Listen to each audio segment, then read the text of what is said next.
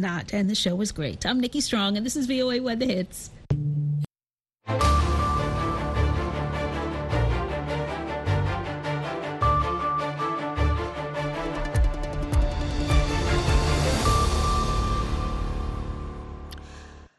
halkani waa washington laanta afka soomaaliga ee idaacadda v o e da ood si toosa uga dhagaysanaysaan mawjadaha gaagaaban efemyada geeska afrika iyo caalamka oo dhan ood nagala socotaan v o a somaly com.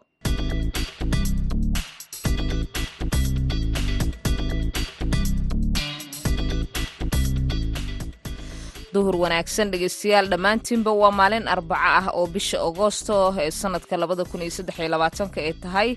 Saddex iyo labaatan afrikada bari saacaddu waxa ay tilmaamaysaa kowdii iyo barkii duhurnimo xaggiina idaacadda duhurnimo ee barnaamijka dhallinyarada maantana waxaa idinla socodsiin doontaa anigoo ah sahra cabdi axmed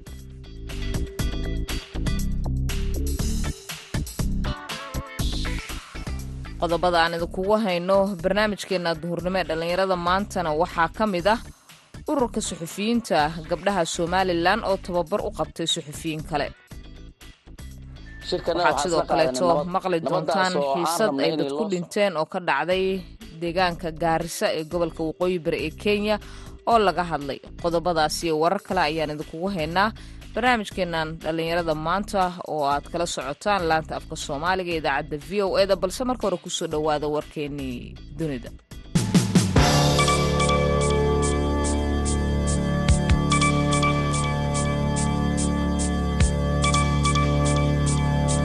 dowladda iiraan ayaa xabsi ku xukuntay toddoba rag ah iyo sidoo kaleeto naag kadib markii lagu helay eedeymo la xiriira inay gacan ka geysteen laba nin oo horey loogu fuliyey dil islamarkaasina dilay askar mutadawaciina intii lagu guda jiray mudaharaadyadii dalkaasi oo dhan ka dhacay sannadkii hore kaasi oo daba socday dilkii mahsa amiimi oo lagu dilay xabsi booliis sida ay sheegtay warbaahinta dowladda arbacada maanta ah xukunadan ayaa imaanaya waxyar ka hor sanad guuradii ka soo wareegatay dhimashadii amiini bishii sebteembar lix iyo tobankeedii iyada mas'uuliyiintuna ay ururinayaan dadka u ololeynaya iyo kuwa ayaguna sidoo kale isku dayaya inay xakameeyaan mucaarad kasta oo dowladda ka soo horjeeday warbaahinta ayaa waxa ay sheegtay gaar ahaana wakaaladda wararka ee dalkaasi miisan in garsoorku ay bixiyeen caddeymihii ugu horreeyey ee rasmi ah ee xukunada sida muuqato horey loogu riday maxkamadda kacaanka ee magaalada karach ee ku riday dadkaasi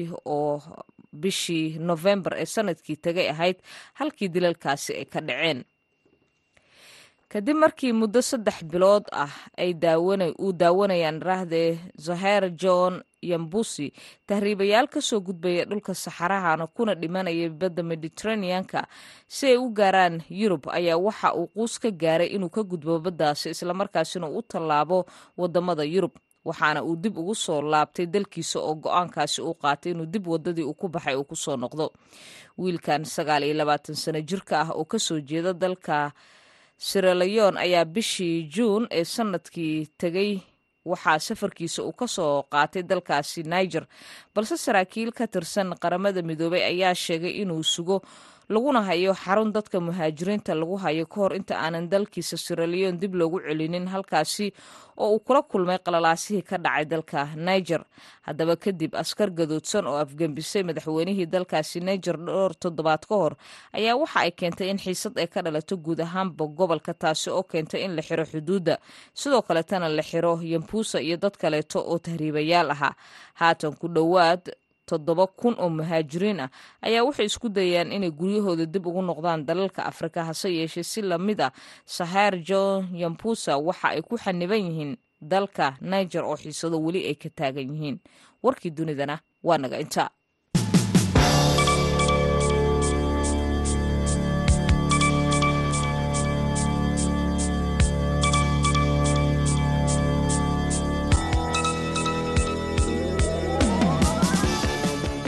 halkaasi aad naga dhegaysanaysaan oo wararka idinkaga imaanayaana waa laanta afka soomaaliga idaacadda v o e da waxgaradka iyo odayaasha degmada faafi ee ismaamulka gaarisa ee gobolka waqooyi bari ee dalka kenya ayaa shir ay ku yeesheen xerada qaxootiga ee xaradheere waxa ay uga hadleen dirir ay dad ku dhinteen oo dhowaantan ka dhacday magaalada gaarisa odayaasha ayaa sheegay in doorkooda ay ka qaadanayaan sidii nabad loogu soo dabaali lahaa beelaha walaalaha ah ee iyagu aanooyinka ay kala gaareen gaar ahaana dilalka dhowaanahani ay xaggooda ka socdeen. Axmed cabdulaahi jaamac oo dhadhaab jooga ayaa warkan ka soo diray halkaasi.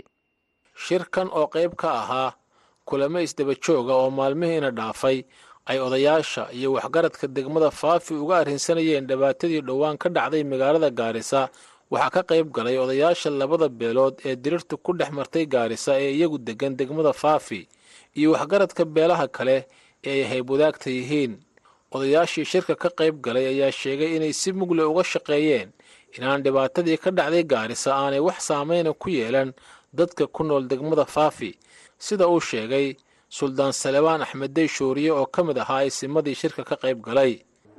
Kulankan maanta wuxuu ku saabsan yahay kulan nabadeed u nabadeed wey u nabadeed wey oo ka dhexdhacay gaarisa county. Muddadan hadda dhowrka beri ee na soo dhaafay. Arrimahaas muxuu ahaa beesha talamogaba muxuu aha wax ka dhexdhacay.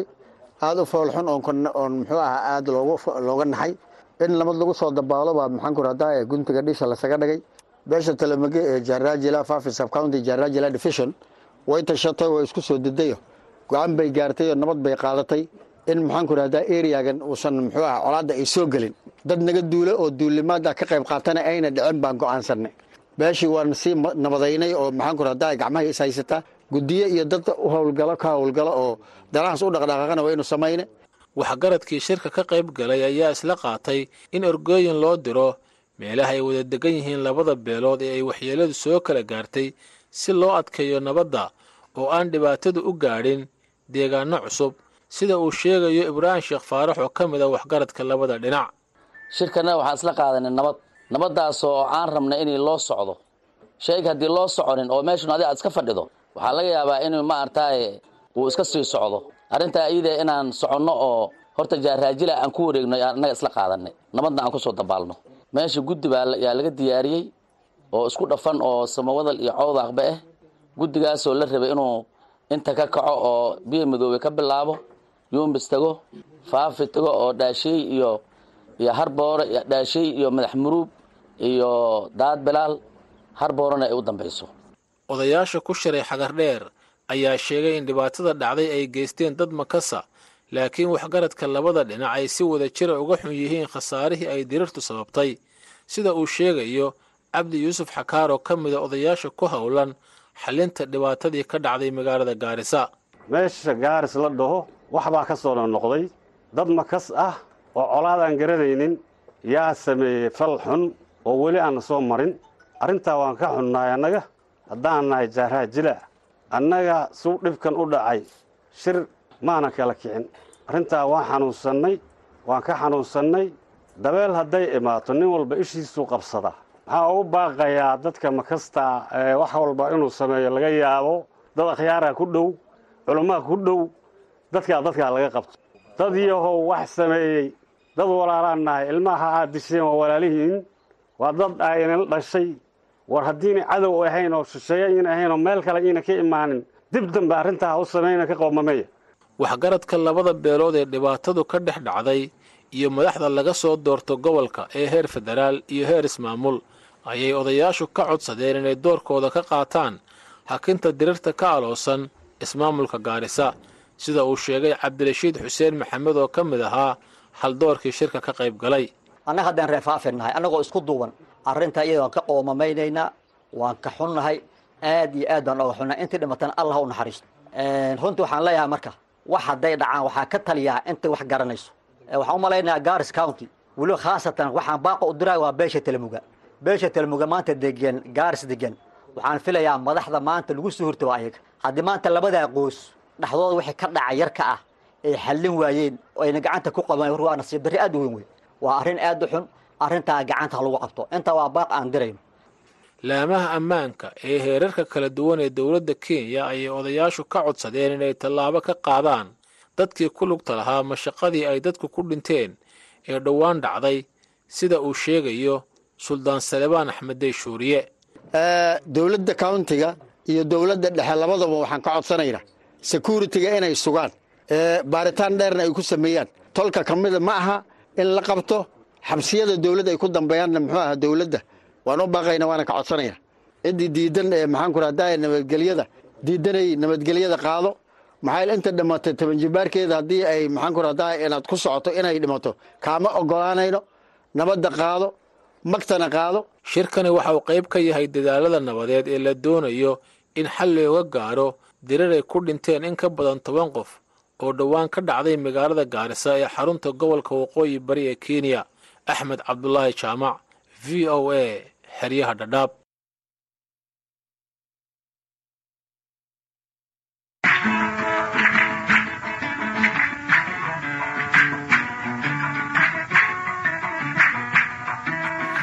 heeskaasi dhegihiinna ku soo maqan ayaa annaguba dhammaanteen aan ku wada yaranasanaynaa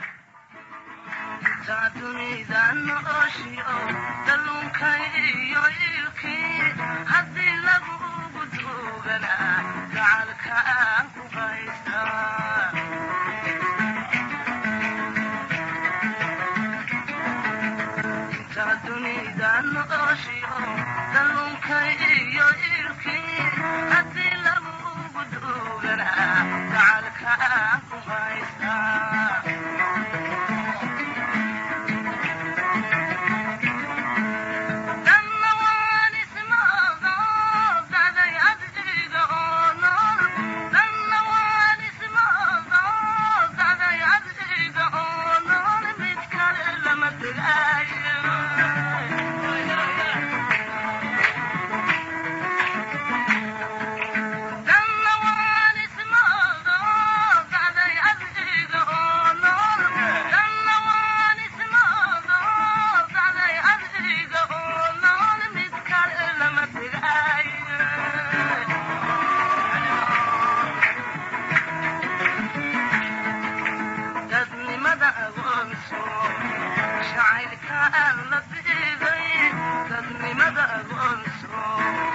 jacaylka aan la diiday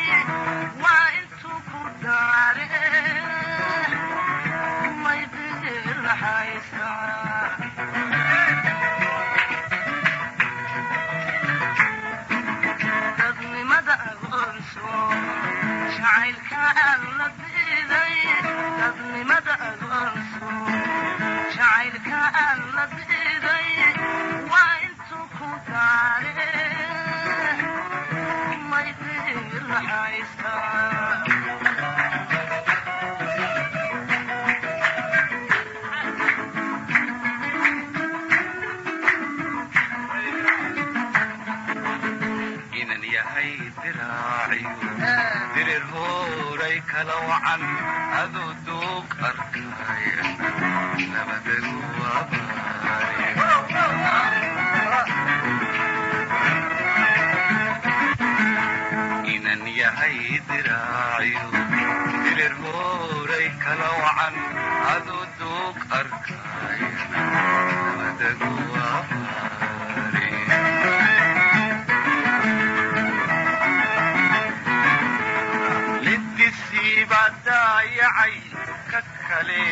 dugsanaya iftiskiba daayacay kakale dugsanaya ani idka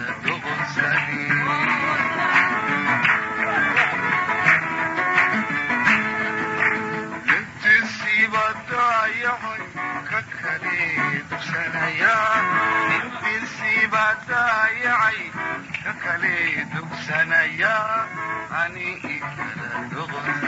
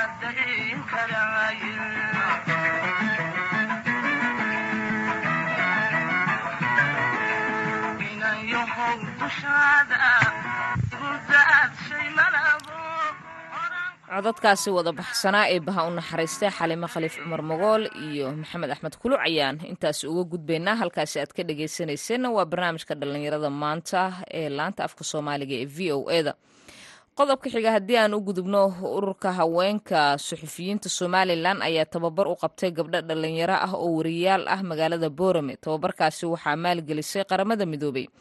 Madaxa xafiiska informationka ama arrimaha la xiriira warbaahinta ee qaramada midoobay ayaa waxa uu markaasi weydiiyey caawinaad ay siiyaan gabdhaha suxufiyiinta ee somalilan iyo gabdhaha kaleeta ee tababarkaasi ka qayb galay wariyaha v o e da haashim sheekh cumar good ayaa warbixintan ka soo diray borame ku soo dhow idaacadda v o e ana adakaari madaxa xafiiska informationka ee u n maxaad la qabataan gabdhaha saxafiyiinta somalilan Uh, thank you, uh, thank you, VOA. This is my first time in Borama. I'm here on the invitation of uh, Women in Media Association, WICHA. So they are able to convey better to the government what are the community's grievances and needs.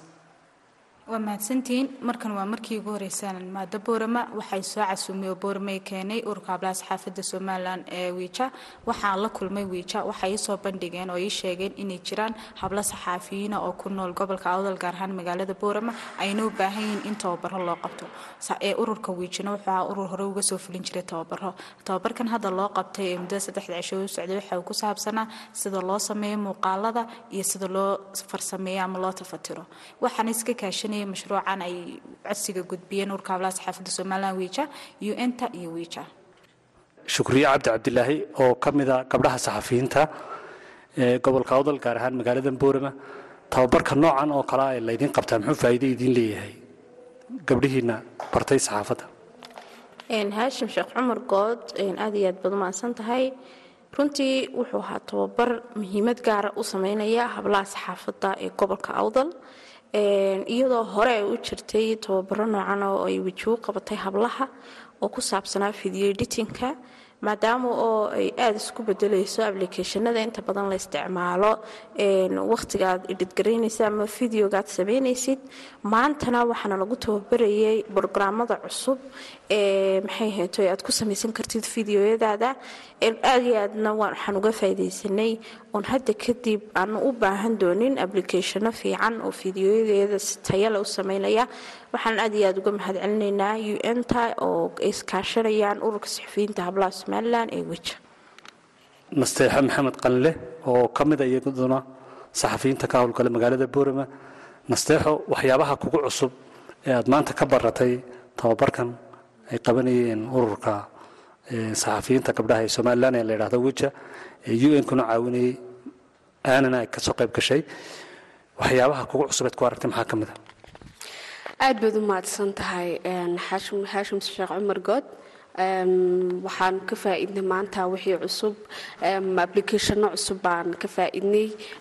Ururka wija aad iyo aad baan ugu mahad celinaynaa markii koowaad maaha waa markii labaad ee maxaan ku hablaha isgarab taagaan markii u horeysayna caqabad waxay naga soo saareen. Runtii aad iyo aad iyo aad looga baahna hadday editor noqoto iyo hadday kamarad noqoto. Hadda anagoo dhan gabdhaha waxaan u daba fadhiisan jirna inamaanu u daba fadhiisanaynay oo naga caawin jiray. Mararka qaar caqabad bay nagu noqonayso inaan weyno barnaamijyadii sidii aan ku daynaba. Mararka qaar anagoo u dhiibnabaana la odhanaya way xumaadeen ama oo ku soo celi? Marka baahidaas aad iyo aad baan uga raysanay haddaanu hablaha gobolka awdal waxaa aad noo garab istaagay nagu caawiya ururka wija aad iyo aad bay u mahadsanyihiin. Maanta waa markii labaad.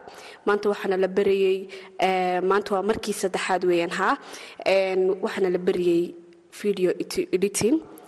Maxaan ku dhahday cusub applicationno cusub oo kuwan caalamka iminka laga isticmaalo ah kana fudud kuwii hore iyagoo la kaashanaya ururka un-ta aad iyo aad bay u mahadsan yihiin. Waxaan aad iyo aad ugu baaqayaa ururada kale ee u dhaqdhaqaaqa saxaafadda inay hablaha si gaara ugu soo eegaan ururka solja iyo ururada kale u waxaan leeyahay hablaha meel walbay joogaan si gaaraha loo eego. Hablaha awdal maanta waxaa tababara ururka wija aad bay u mahadsan yihiin. Haddii maanta la tababara hablihii xirfadii la baray weli baahidii way bannaan tahayo.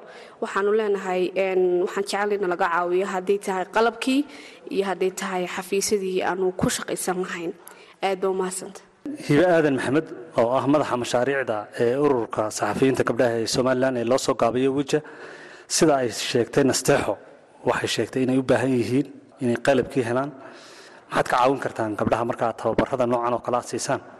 Caawimo maxaad siin kartaan? Aad ba mahadsantahay haashimow. Haddii aan kugu dul istaago taqalabada waxaa jira tartan ururka saxafiyiinta ee gabdhaha somalilan ee wija uu qabto. Kaasi uu qabto hablaha somalilan oo dhan ee saxaafadda ku jira. Tartankaas hablahaas markay ka qayb galaan ilaa tobanka kaalmood ugu sarreeya habluhu ee tartama ee tobanka kaalmood soo gala waxay helaan qalab hadday tahay kamarad hadday tahay maxaa la dhahdaa laabtoono haddii ay tahay tabletskio kaleeto wax kasta oo maxaa la dhahdaa electroniga oo u sahlaya inay muuqaal duuban karto oo iyadu shaqaysan karto oo iyadu wax qabsan karto.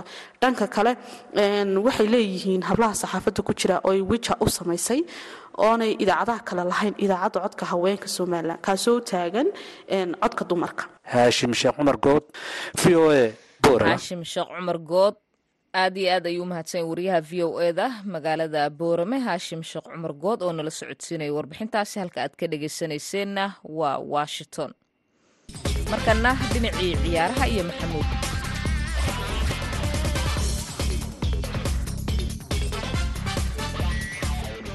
Kuna wanaagsan dhegeystayaal dhammaantiinba kuna soo dhowaada xubinta ciyaaraha. Tababaraha kooxda kubadda cagta ee manchester city beb guardiola ayaa qaliin deg dega dhabarka lagaga sameeyey waxaana lagu qalay cisbitaal ku yaalla magaalada barcelona ee wadanka sbain oo halka uu ka soo jeedo. Kooxda kubadda cagta ee manchester city ayaa shaacisay inuu macalinku haatan ka soo bogsoonayo qaliinka lagu sameeyey oo uu ku jiro cisbitaal ku yaalla barcelona halkaasina uu ku sii sugnaan doono ilaa iyo inta uu sida rasmiga kaga soo bogsoonayo tababara beb guardiola iyo kooxdu sidoo kale shaacisay in uu labada kulan ee soo socota ee kooxdu ay la ciyaarayso kooxaha kubadda cagta ee fulham ee sheffield united uu ka maqnaan doono garoonka. Taa badelkeedana uu booskiisa geli doono ku-xigeenkiisa tababare juan manuel lilo ninkan ayaa ka mid ah kuwa ay sida aadka isugu dhow yihiin tababare beb guardiola. Dhinacan iyo wadanka maraykanka haddii aan jaleecana ciyaaryahan leonel messi iyo kooxdiisa inter miami ayaa caawa kulan adag la ciyaari doona kooxda f c cincinnati ee gobolka ohio. Labadan kooxood ayaa fooda isku daraya ciyaarta semifinalka ee koobka u s open. Koobkan ayay labadan kooxood ka mid noqdeen afarta kooxood ee u soo gudubtay. Kooxda inter miami ayaa kulankan ciyaaraysa iyadoo guul weyn sidata maadaama ay soo qaaday koobka liigkabka ee wadanka maraykanka kooxihiisa iyo kuwa mexico ay ku loolamaan ciyaaryahan leonel messi oo toddoba kulan u ciyaaray kooxda inter miami ayaa toddobadii kulanba soo guulaystay laakiin kooxda f c cincinnati waa kooxda ugu sarreysa ee horyaalka wadanka maraykanka ee dhinaca bariga halka isla dhinacaasi kooxda inter miami ay tahay kooxda ugu hooseysa. Waxaa la leeyahay waa kulankii ugu adkaa ee ciyaaryahan leonel messi iyo kooxdiisa inter miami ay wajahaan. Inkastoo tan iyo sidii uu kooxda inter ugu soo biiray ciyaaryahan leonel messi ay kooxda wax weyn iska bedeleen. Haddaba ciyaaryahan leonel messi guulihiisii uu maalmahan waday ee wadanka maraykanka mahalkiisii ayuu ka sii ambaqaadi doonaa mise caawa ayaa bareega loo qaban doonaa oo jilbaha dhulka loo dhigi doonaa. Haddaba la arki doone haddii uu mar kale ciyaaryahan leonel messi guul u soo hooyo kooxdiisa inter miami dhinaca suuqa kala iibsiga ciyaartooydana kooxda kubadda cagta ee liverpool ayaa mar kale wejigabax kala kulantay kadib markii kooxda falamonese ay ka diiday lacag gaaraysa shan iyo labaatan milyan oo ganiga ingiriiska oo xidiga andereye ay ku doonaysay kooxda kubadda cagta ee liverpool. Falamonese waxay sheegtay andereye inay doonayso inuu kooxda ku sii nagaado ilaa iyo bisha december oo haatan aanu beec ahayn. Westham unitedna waxaay sheegtay inaanay ka niyad jabi doonin doonisteeda ciyaaryahan maxamed quduus oo dhowaan ay ka diiday kooxda kubadda cagta ee ix dalabkii ay ka gudbisay waxay sheegtay westham inay ciyaaryahankan heryada ag dhigan doonto oo ay si kastaba soo xerogelin doonto. Waagay dhegeystayaal xubinteena ciyaarintan ku soo gabagabeynaa tan kulan dambe oo mascadooda ku dhaafaya sidaa iyo nabadgelyo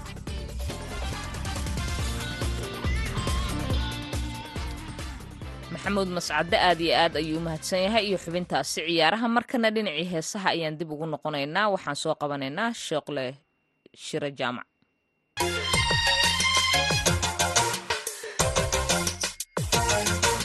waxaan tahay dhammaystira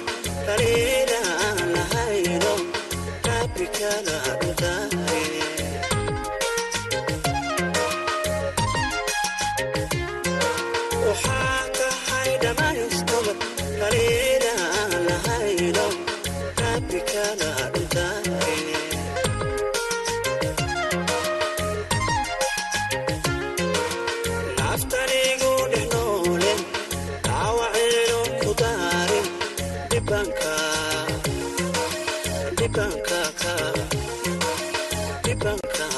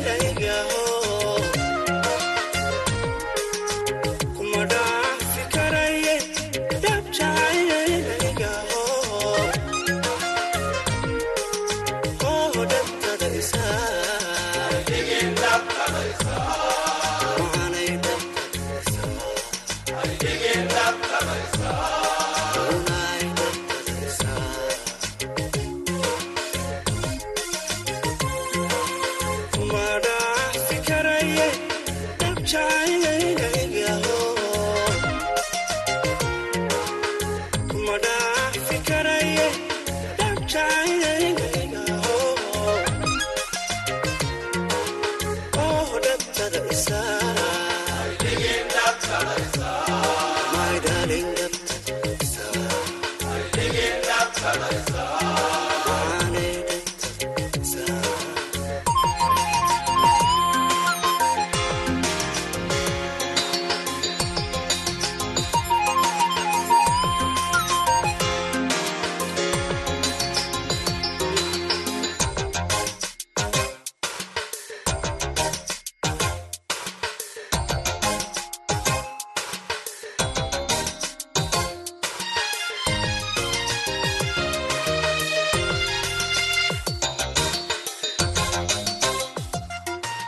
Codkaasi baxsan jooqle shire ciyaar jecel ayaan ku soo gebagabaynaynaa idaacaddeenii duhurnimo ee barnaamijka dhallinyarada. Maanta waa sahre cabdi axmed iyo dhammaan bahda v o eda idin leh. Intaynu mar kale kulmi doonno isma dhaafno haatan